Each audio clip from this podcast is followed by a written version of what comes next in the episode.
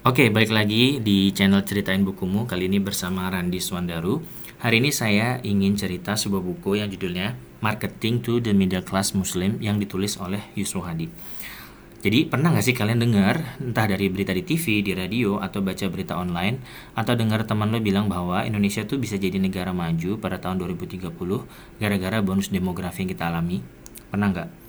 Nah, jadi sebenarnya tuh ada banyak riset yang menunjukkan bahwa Indonesia bisa menjadi bagian dari lima negara dengan GDP terbesar di dunia atau pendapatan domestik bruto terbesar di dunia pada tahun 2030. Nah, dari banyak riset itu saya ingin kasih contoh satu aja sebuah riset yang ditulis oleh Standard Chartered dengan judul Super Cycle Report.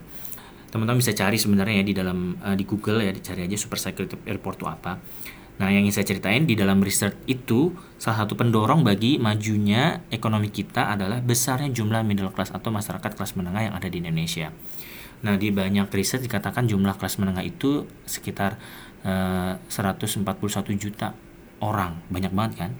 Nah, kalau ini kita sandingkan dengan data yang lain, menurut sensus penduduk pada tahun 2010, 87% dari jumlah penduduk kita adalah muslim. Jadi kalau jumlah kelas menengah kalau kita ambil itu kira-kira stasioner gitulah ya. 141 nah, juta itu kelas menengah, kemudian ternyata penduduk kita itu yang muslim ada 87%.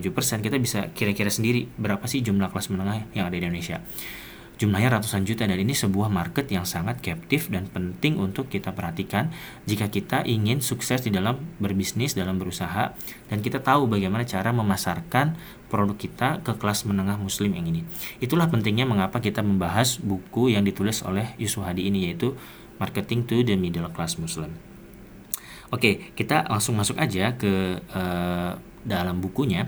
Jadi bukunya ini tuh yang ingin saya ceritain ini ada dua bagian besar di dalam buku ini yaitu bagian pertama sebenarnya itu menceritakan tentang bagaimana adanya perubahan e, perilaku konsumen yang ada di Indonesia khususnya pada kelas menengah muslim ini. Nah, yang bagian yang kedua yaitu bagian yang paling inti nanti sebenarnya adalah bagian yang menceritakan bagaimana sih strategi dan taktik pemasaran bagi kita untuk masuk dan mengenal empat uh, empat bagian atau empat uh, divisi dari uh, middle class muslim itu sendiri. Bagaimana karakteristiknya dan bagaimana cara menjual kepada uh, empat jenis konsumen ini. Oke okay, sebelum masuk ke bagian kedua yang inti, yang inti tadi saya ingin masuk ke bagian pertama. Jadi di bagian pertama ini sebenarnya itu banyak banget ya. Menurut saya unnecessary sih nggak terlalu perlu sebenarnya sebanyak ini. Jadi sampai 200 halaman dibahas di bagian ini. Intinya pada bagian ini uh, penulis ingin menunjukkan bahwa terjadi perubahan dan perilaku konsumen khususnya pada kelas menengah muslim. Apa aja sih contohnya? Ada macam-macam. Saya ingin sebutin beberapa aja. Jadi kayak ada uh, revolusi hijab. Sekarang tuh orang udah banyak berhijab dengan macam ragam hijab yang ada di pasaran saat ini. Ada hijab buat ibu-ibu yang bekerja, ada hijab buat uh, apa ibu rumah tangga, ada hijab untuk mahasiswi dan segala macam. Nah, ini masing-masing punya segmen sendiri dan sangat penting untuk dipahami bagaimana karakter masing-masing segmen itu sendiri. Nah, kemudian ada juga peningkatan uh, masyarakat muslim yang pergi umroh atau melakukan perjalanan uh, religius. Saya juga baru tahu ya belakangan bahwa ternyata itu ada umroh yang disebut dengan umroh private. Jadi umroh private ini kita ikut umroh biasanya kan 9 sampai 11 hari gitu ya dengan jadwal yang tertentu. Nah, umroh umroh private ini tuh kita e, berangkat umroh dan kita bisa nentuin sendiri jadwalnya.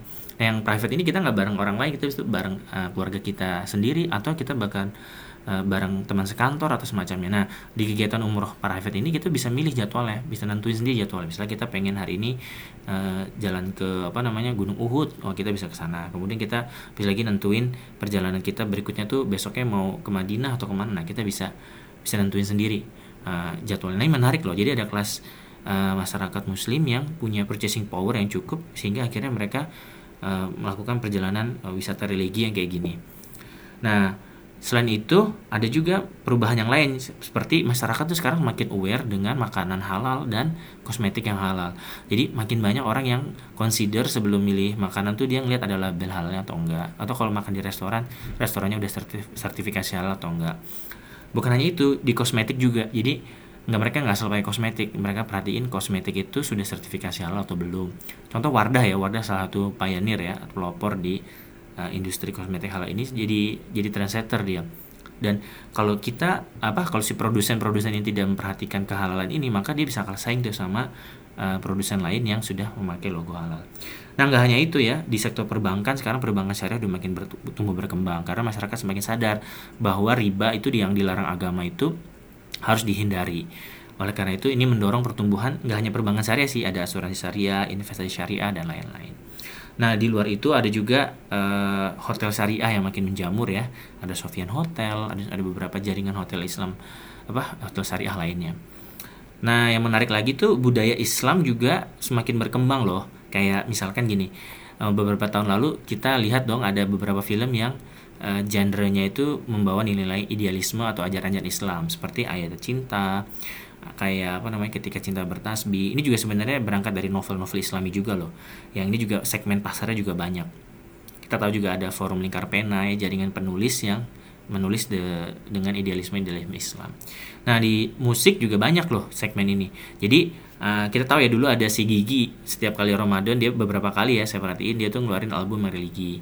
Nah kalau yang beberapa tahun terakhir ini kayak si Nisa Sabian, nah dia tahun lalu tuh ngeluarin uh, album yang religi dan ini sangat uh, booming dari tahun lalu hingga sekarang. Nah dari gambaran cerita ini sebenarnya penulis ingin menunjukkan bahwa masyarakat itu semakin sadar loh bahwa uh, kepatuhan terhadap syariah itu penting dan mereka juga tetap mempunyai eh, nilai-nilai uh, yang ingin dibawa ke dalam um, konsumsi yang mereka lakukan. Gak hanya itu, gak hanya nilai-nilai Islam, tetapi mereka juga memperhatikan uh, functionality ya kegunaan, terus kebermanfaatan dari produk atau jasa yang dia gunakan. Jadi walaupun ada ada ada apa? Ada mereka memperhatikan nilai keislaman, tapi juga mereka memperhatikan uh, nilai kemanfaatan dari produk atau jasa yang mereka gunakan. Nah, saya ingin masuk ke bagian yang paling inti sebenarnya dari buku ini yaitu di bagian yang kedua. Di bagian yang kedua ini uh, penulis membagi uh, middle class muslim itu ke dalam empat bagian atau empat divisi ya. Nah, mereka membaginya itu gimana caranya? Caranya gini, mereka membuat uh, sumbu X dan Y. Nah, di sumbu Y-nya itu mereka mengatribusi di situ uh, functional dan emotional value dari produk dari dan jasa yang uh, ditawarkan. Sementara di sumbu X-nya mereka uh, mengatribusi nilai uh, nilainya Islam, atribusi terhadap bagaimana kelekatan antara produk atau jasa ini terhadap nilai-nilai Islam. Nah, jadi kita bisa bentuk empat uh, bagian dari situ dari yang produk dengan apa dari konsumen yang dia tuh tidak memperhatikan functionality-nya nilai functionality rendah dan nilai keislamannya rendah, kemudian nilai functionality-nya rendah tapi uh, spiritual value-nya tinggi kemudian ada juga yang uh, sama apa namanya uh, functionality dan emotional value-nya itu tinggi tapi kebalikannya spiritual value-nya rendah dan yang keempat yaitu uh, functional dan emotional value-nya tinggi dan spiritual value-nya juga tinggi nah keempat ini uh, apa aja sih oke saya sebutnya yang pertama ya yang pertama adalah uh, apatis nah apatis ini jumlahnya 27% dari uh, pasar yang ada di Indonesia. Sosok ini adalah tipe konsumen yang memiliki pengetahuan dan wawasan dan sering kali tingkat ekonomi dan kesejahteraannya itu rendah. Di samping itu, tipe konsumen ini juga memiliki tingkat kepemahaman dan kepatuhan yang rendah dalam bersyariah. Intinya, mereka itu pengetahuannya, wawasannya itu rendah, kemudian juga kepatuhan terhadap syariahnya itu rendah apa sih dampaknya? Nah, strateginya untuk kelas menengah kelas yang seperti ini adalah sebenarnya kita tuh memberikan 4P yaitu apa aja yaitu price, price, price. Artinya mereka tuh nggak terlalu peduli manfaatnya tuh bagus banget atau enggak, nilai keislaman bagus atau enggak, yang penting murah. Karena juga tingkat apa tingkat kesejahteraannya itu dia rendah. Nah, yang kedua adalah kelompok rasionalis. Tipe konsumen ini memiliki pengetahuan yang lebih baik dibandingkan tipe yang pertama tadi. Dia itu open-minded, punya wawasan global, tetapi memiliki kepatuhan syariah yang rendah. Segmen ini amat kritis dan pragmatis dalam kriteria pemilihan produk berdasarkan utilitasnya, tetapi mengesampingkan faktor-faktor ketaatan dalam beragama. Nah, strategi apa sih sebenarnya yang pas buat segmen ini? Nah, buku ini tuh bilang kita harus menawarkan uh, functional dan emotional value yang besar. Jadi karena dia nggak terlalu memperhatikan nilai-nilai Islam maka manfaat dari produk ini harus besar. Artinya gini kalau lu jual makanan maka makanan harus enak. Kalau ente jualan apa namanya uh, pakaian pakaian itu mesti bagus. Nonetheless itu Islami apa enggak ada label halal atau enggak segala macam yang penting apa namanya functionality-nya itu harus keren harus bagus. Karena dia nggak terlalu memperhatikan nilai agama. Nah yang ketiga ini adalah tipe konformis konformis ini adalah uh, mereka masyarakat muslim yang memiliki ketaatan yang sangat tinggi dalam penerapan syariat Islam. Nah, sebaliknya e, mereka ini e, cenderung tidak membuka diri terhadap nilai-nilai di luar Islam. Nah, sehingga mereka tuh cenderung tidak terlalu memperhatikan functionality terhadap produk yang ada. Jadi mereka tuh pengen uh, patuh terhadap Islam. Jadi kalaupun ini produknya itu nggak bagus-bagus banget, asalkan itu sudah dengan syariah pasti diambil. Ya, misalnya nggak nggak gitu-gitu enak banget nih ada kue, tapi dia halal, nah dia diambil produk itu. Sehingga uh, yang penting buat dia adalah bagaimana uh, kita sesuai dengan prinsip-prinsip syariah. Nah, kalau ketemu dengan uh, segmen masyarakat yang seperti ini yang jumlahnya sekitar 21%, maka strategi marketingnya adalah gunakan label Islami itu sendiri sebagai nilai jual terhadap uh, segmen uh, masyarakat yang seperti ini. Jadi kalau kalian misalkan bu, apa namanya uh, buka toko, nah tokonya itu jual produk haji. Nah yang penting yang dikedepankan itu adalah harus Islami. Jadi penjualnya harus berpakaian is, apa berpakaian Muslim yang rapi. Kemudian juga apa namanya uh, ngucapin salam, salam, terus segala macam lah. Jadi kedepankan nilai-nilai Islam yang sangat kuat.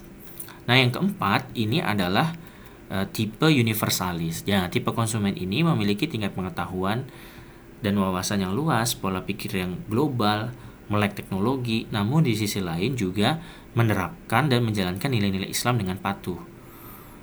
Keren nih yang bagian ini. Jadi dia uh, memperhatikan uh, nilai-nilai Islam, juga memperhatikan kebermanfaatan dari produk dan jasa yang dia konsumsi. Lalu bagaimana caranya, strateginya untuk menjual ke segmen yang sekitar 23% ini. Nah, caranya adalah kita tawarkan nilai-nilai yang universal bahwa Islam itu memberikan keadilan dalam transaksi ekonomi misalkan. Maka pentinglah untuk membeli produk-produk syariah yang bebas riba. Atau misalkan ternyata produk yang kita jual ini kalau kita beli uh, kalau konsumen beli maka ini bisa memberi uh, manfaat kepada anak yatim misalkan. Jadi begitu dia beli si konsumen dia bisa langsung donasi ke anak yatim. Nah, nilai-nilai ini uh, bisa masuk ke segmen yang keempat ini yaitu universalis. Nah, kalau kita menguasai keempat segmen ini, nah maka ini kan jadi kunci bagi kita untuk masuk kepada uh, segmen kelas menengah muslim yang jumlahnya sangat banyak tadi. Lebih lanjut sebenarnya di buku ini itu dijelasin beberapa uh, apa namanya jurus-jurus jitu untuk menyasar uh, middle class muslim itu. Jadi mereka ada enam sebenarnya yang di situ. Saya kasih beberapa aja lah ya. Jadi ada uh, customer yang pertama ya. Jadi prinsip ada principle of customer. Jadi customer become more religious, they begin to search for spiritual value. Jadi customer kita tuh di Indonesia tuh semakin makmur, dia cenderung semakin tinggi keingintahuannya terhadap nilai-nilai spiritual. Jadi semakin mereka kaya, mereka semakin patuh terhadap uh, Islam lah sebagai terhadap agama. Menarik kan? Nah, kemudian yang kedua the principle of competition. Jadi uh, pada aspek ini kita harus connect our brand to our customers heart. Jadi kita harus menciptakan persona dari produk dan jasa yang kita punya dengan impian, aspirasi dan nilai-nilai yang dipegang oleh masing-masing segmen customer tadi.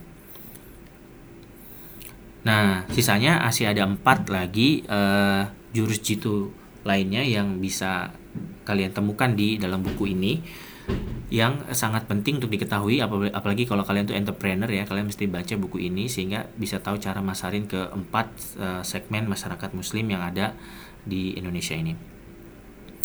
Uh, sekian aja kali ini dari saya. Sampai jumpa lagi di review dan cerita-cerita buku yang berikutnya. Terus support uh, channel ceritain bukumu ini uh, visit kita juga di Instagram. Uh, sampai sini aja uh, Randy out. Thank you